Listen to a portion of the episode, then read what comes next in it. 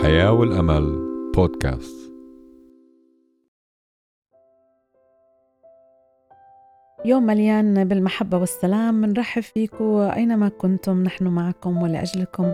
تحياتنا الحارة من إذاعة صوت الحياة والأمل AWR 360 في يوم جديد وبركة جديدة مع الرب يسوع في برنامج الحياة والأمل. حلقتنا اليوم آه، بعنوان الابن الضال.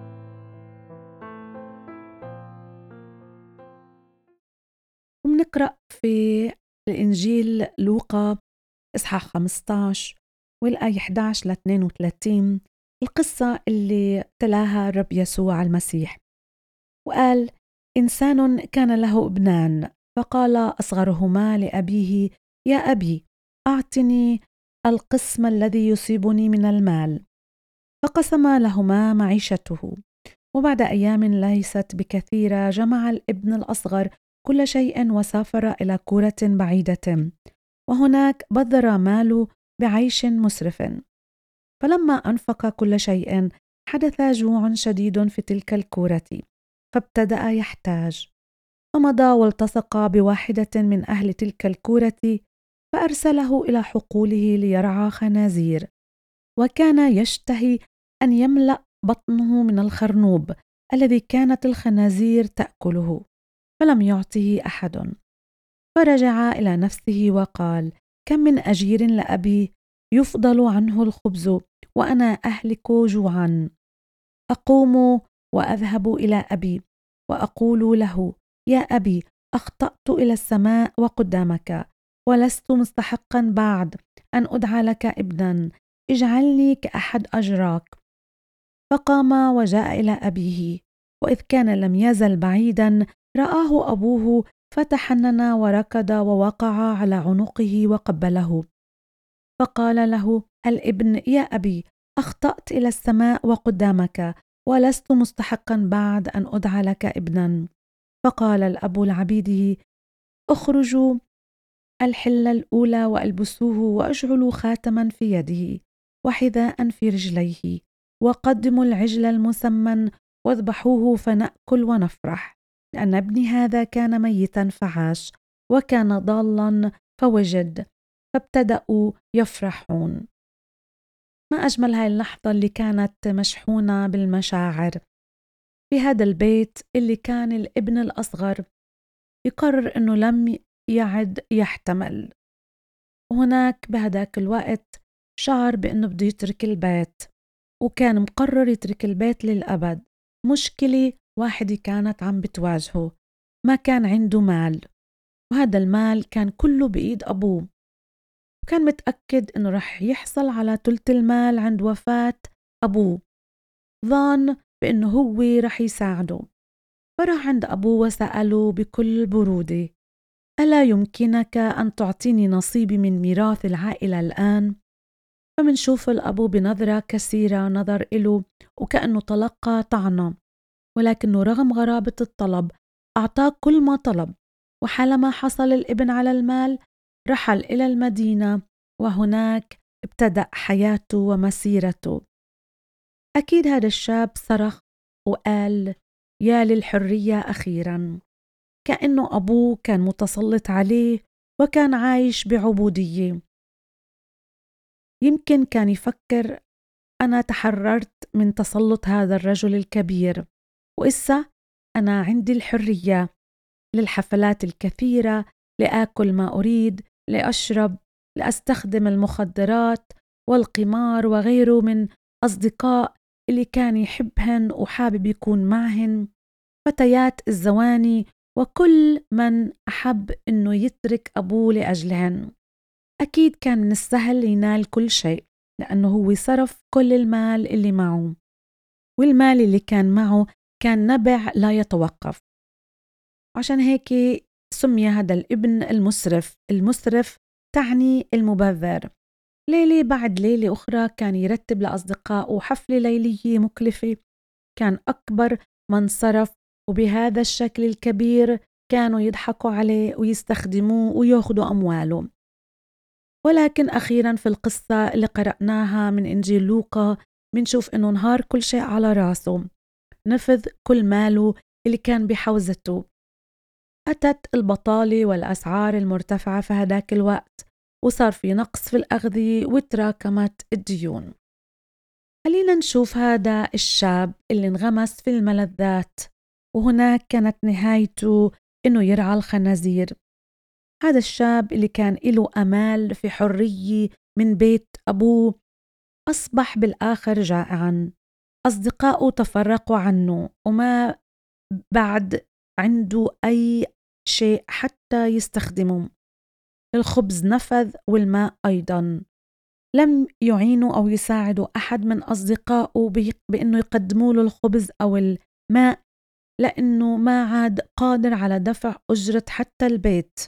والشارع صار مصيره وما حدا تعرف عليه حتى يعينه. أخيرا كان عرض له لعمل. فرصة عظيمة.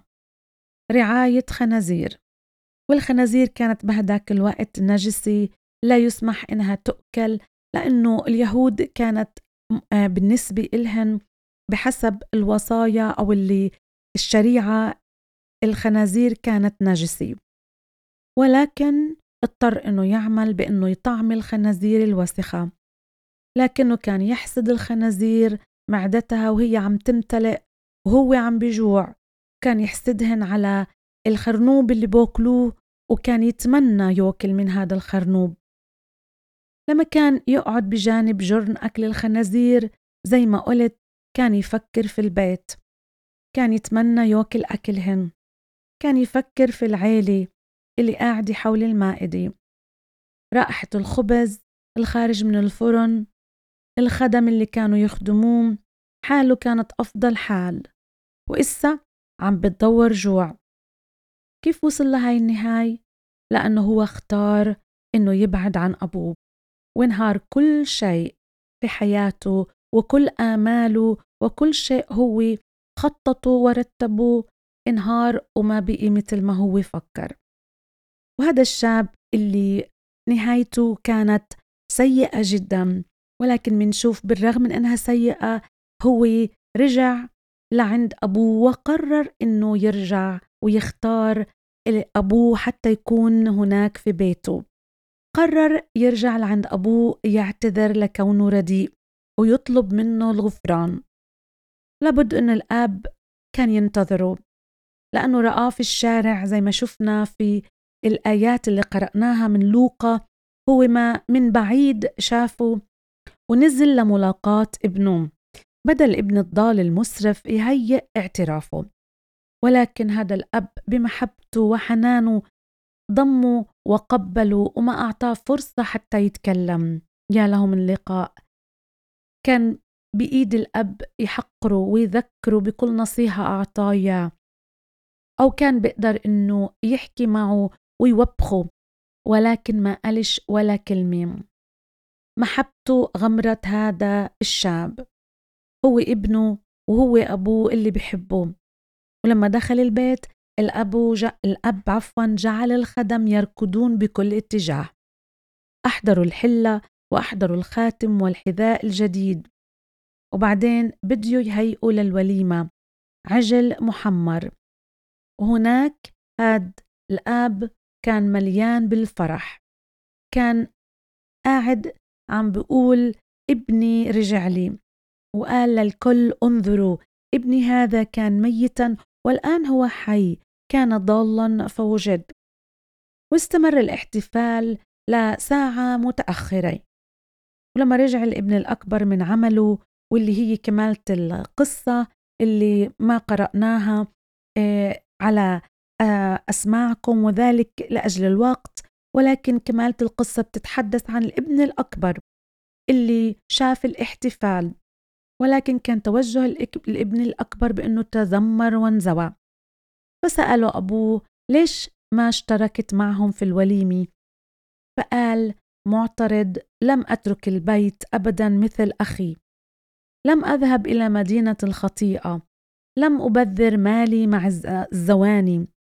لكنك لم تصنع لي وليمة يا أبي مثل ابنك هذا الضال. لم تعطني حتى جديا محمرا. وناهيك عن العجل. ابنك هذا لا يصلح لشيء. وقد عملت له وليمة عندما عاد. لقد كنت كل الوقت جيدا ومحترما. وعلى ماذا حصلت؟ على لا شيء. وبتلاحظوا هذا الابن الأكبر اللي بقي مع أبوه وكمل في عمله.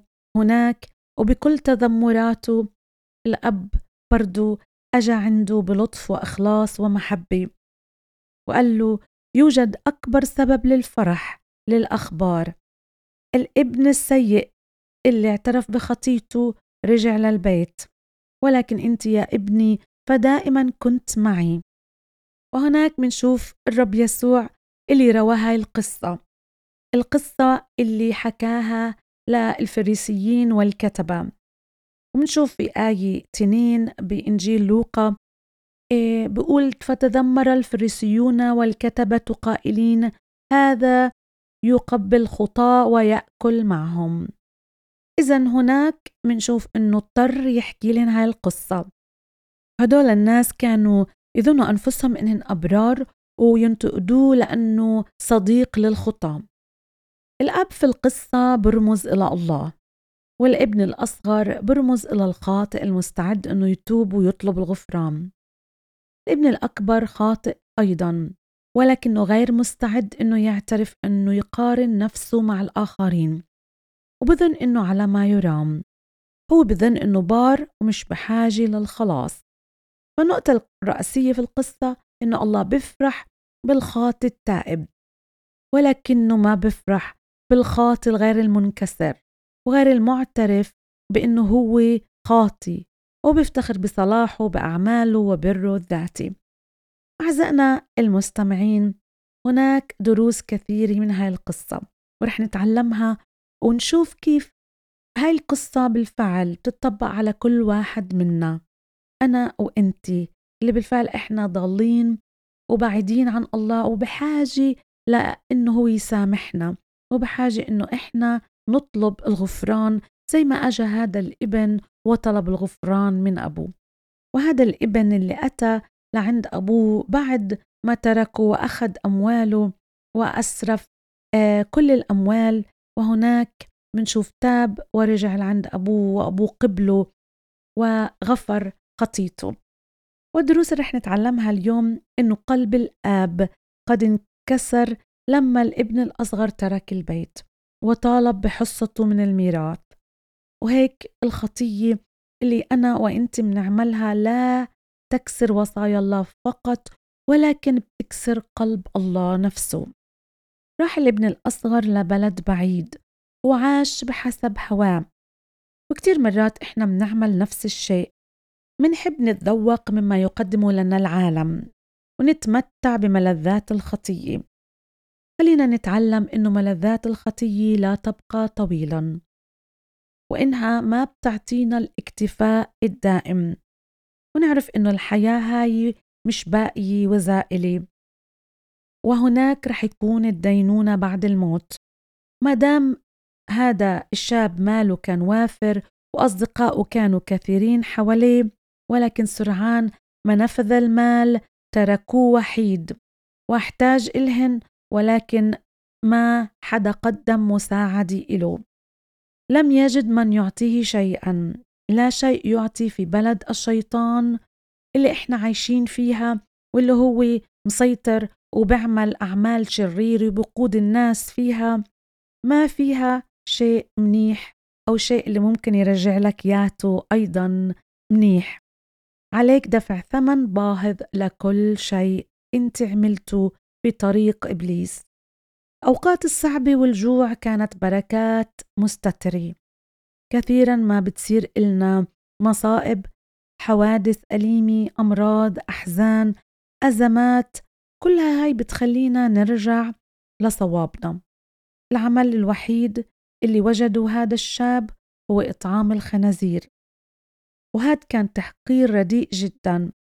وهيك الخطية بتحط في قدر الشخص كتير جدا. أعزائنا لازم نعرف إنه لما إحنا بنقع بكل أزمة بكل ضيق ومرض وحزن وألم خلينا نتذكر إنه في إله هناك أمل أمل وأيضا حياة عنده زي ما برنامجنا عنوانه الحياة والأمل. تذكر إنه يسوع لما بتروح عنده هو مثل الأب اللي بيفتح ذراعيه وبقول لك تقدم تعال أنا بقبلك كيف أنت رغم كل ما أنت عملت. أخيرا وفي ضيقة رجع لنفسه هذا الشاب. وكان في فرصة مهيئة لله إنه يستقبله. اللي هو صورة للأب اللي في هاي القصة اللي قصها الرب يسوع. إذا لما بتيجي قدامك كل هاي الضيقات وتوصد بوجهك كل الأبواب. تقدر تتطلع لأعلى. عند الضيق الإنسان بيلتجئ لعند الله وبيجي لعنده وبيعترف بأنه الله موجود حتى يعينه.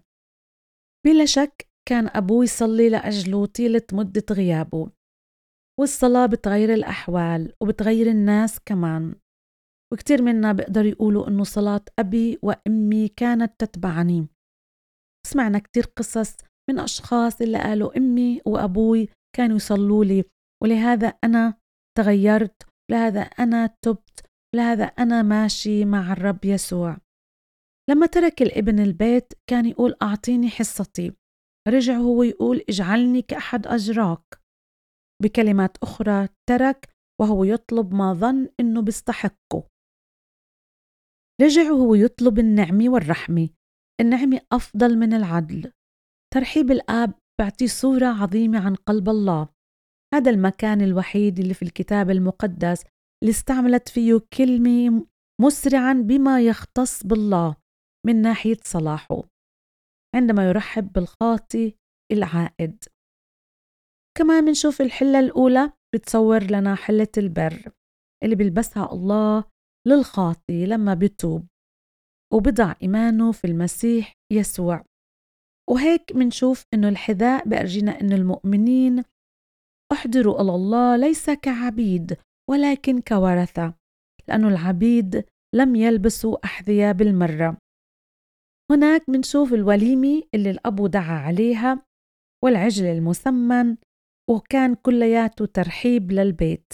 بقول الكتاب المقدس إنه ابتدأوا يفرحون كل أهل البيت فرحوا بهذا الشاب اللي رجع لعند أبوه.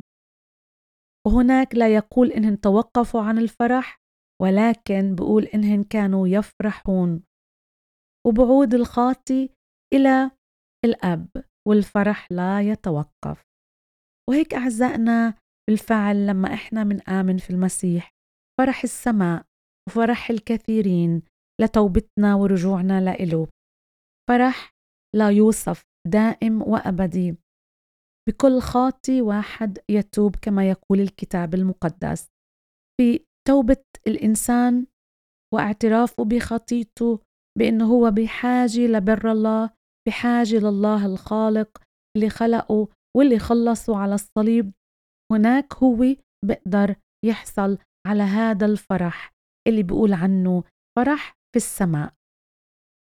قبل عدة سنوات ترك شاب بيته في أحد البلدان واتجه إلى بلد آخر ليعيش حياته. لقد عاش بالفحشاء وجلب العار والخزي لوالديه مدة عشر سنوات. بعد ذلك مثل الابن الضال قرر يعود إلى البيت ويصلح الأمور. ولكن هل سيستقبل والداه؟ مش أكيد. كتب رسالة إلى أهله بقولهن فيها بخطته وطلب من أمه إنها تربط قطعة من القماش الأبيض على النبتة الليلكية في مدخل البيت اللي كانت فيها عودته مرغوب فيها. فعندما تمر حافلة الركاب من أمام البيت سيعرف الجواب إن لم يكن قطعة قماش أبيض فيستمر بالسفر. وأخيرا عندما وصلت الحافلة إلى المدينة حيث البيت توتر الشاب. وأخيرا استطاع رؤية البيت من بعيد. كانت النبتة الليلكية مغطاة كليا بمئات من قطع الشراشف البيض ترفرف برقة مع النسيم. عندها نهض من مقعده وحث الخطى نحو مدخل البيت لأنه عرف أنه مرحب فيه. وهيك أعزائنا المستمعين الحال أيضا مع الله لديه شجرة في المدخل. وهي الشجرة هي خشبة الصليب الجلجثة. ذراعيه مفتوحتان للخطاة الشاردين في كل مكان. برجوهم إنه يتوبوا ويرجعوا عن خطاياهم ويقبلوا مخلص الخطاة. حيث بقول في سفر الأعمال الرسل إصحاح 3 والآية 19 فتوبوا وارجعوا لتمحى خطاياكم لكي تأتي أوقات الفرج من وجه الرب. هيك أعزائنا المستمعين القصة اللي قصها الرب يسوع حتى يتحدث لهدول الفريسيين والكتبة اللي كانوا عم بيشاهدوه بيستمعوا إله ويمكن كان إلهن هدف يوقعوه حتى يأرجيهن إنه البر الذاتي والتدين الزائف مش هو اللي بوصلهن للنجاة ولا الخلاص. ولكن هي الاعتراف بأنه إحنا خاطيين وإحنا ما إلنا لا حول ولا قوة. فقط نحتاج لهذا الإله اللي خلصنا على الصليب اللي هو كامل بلا خطية وبإيماننا فيه بتوبتنا ورجوعنا وقبولنا الخلاص هو رح يمحى خطايانا ورح يكون في فرح في السماء وهناك رح نفرح ونعيش ونحيا معه إلى الأبد. آمين. وصلنا لنهاية حلقتنا لبرنامج الحياة والأمل. كنت معكم أنا إيمان في الإعداد والتقديم من وراء الميكروفون. بشكر حسن استماعكم ومتابعتكم معنا. نحب نذكركم زي دايما تقدروا تتواصلوا معنا بكل سؤال واستفسار. وإذا كنتم بحاجة للصلاة كمان وأيضا إذا بتقدروا تحصلوا على كتاب المقدس بتحبوا تكتبوا لنا على hope at awr.org وكمان تقدروا تراسلونا إيه، عبر رسائل الواتساب زائد واحد اثنين أربعة صفر تسعة صفر صفر تسعة تسعة ثلاثة تسعة. تابعونا كمان عبر منصات التواصل الاجتماعي من فيسبوك إنستغرام ويوتيوب at awr slash arabic والبث الحي والمباشر لإذاعة صوت الحياة والأمل. وأيضا يمكن متابعتنا على مختلف منصات البودكاست من Spotify Anghami Apple و Google Podcast لإذاعة الحياة والأمل. نلتقي في حلقة جديدة من برنامج الحياة والأمل ومنستودعكم برعاية الله وإلى اللقاء.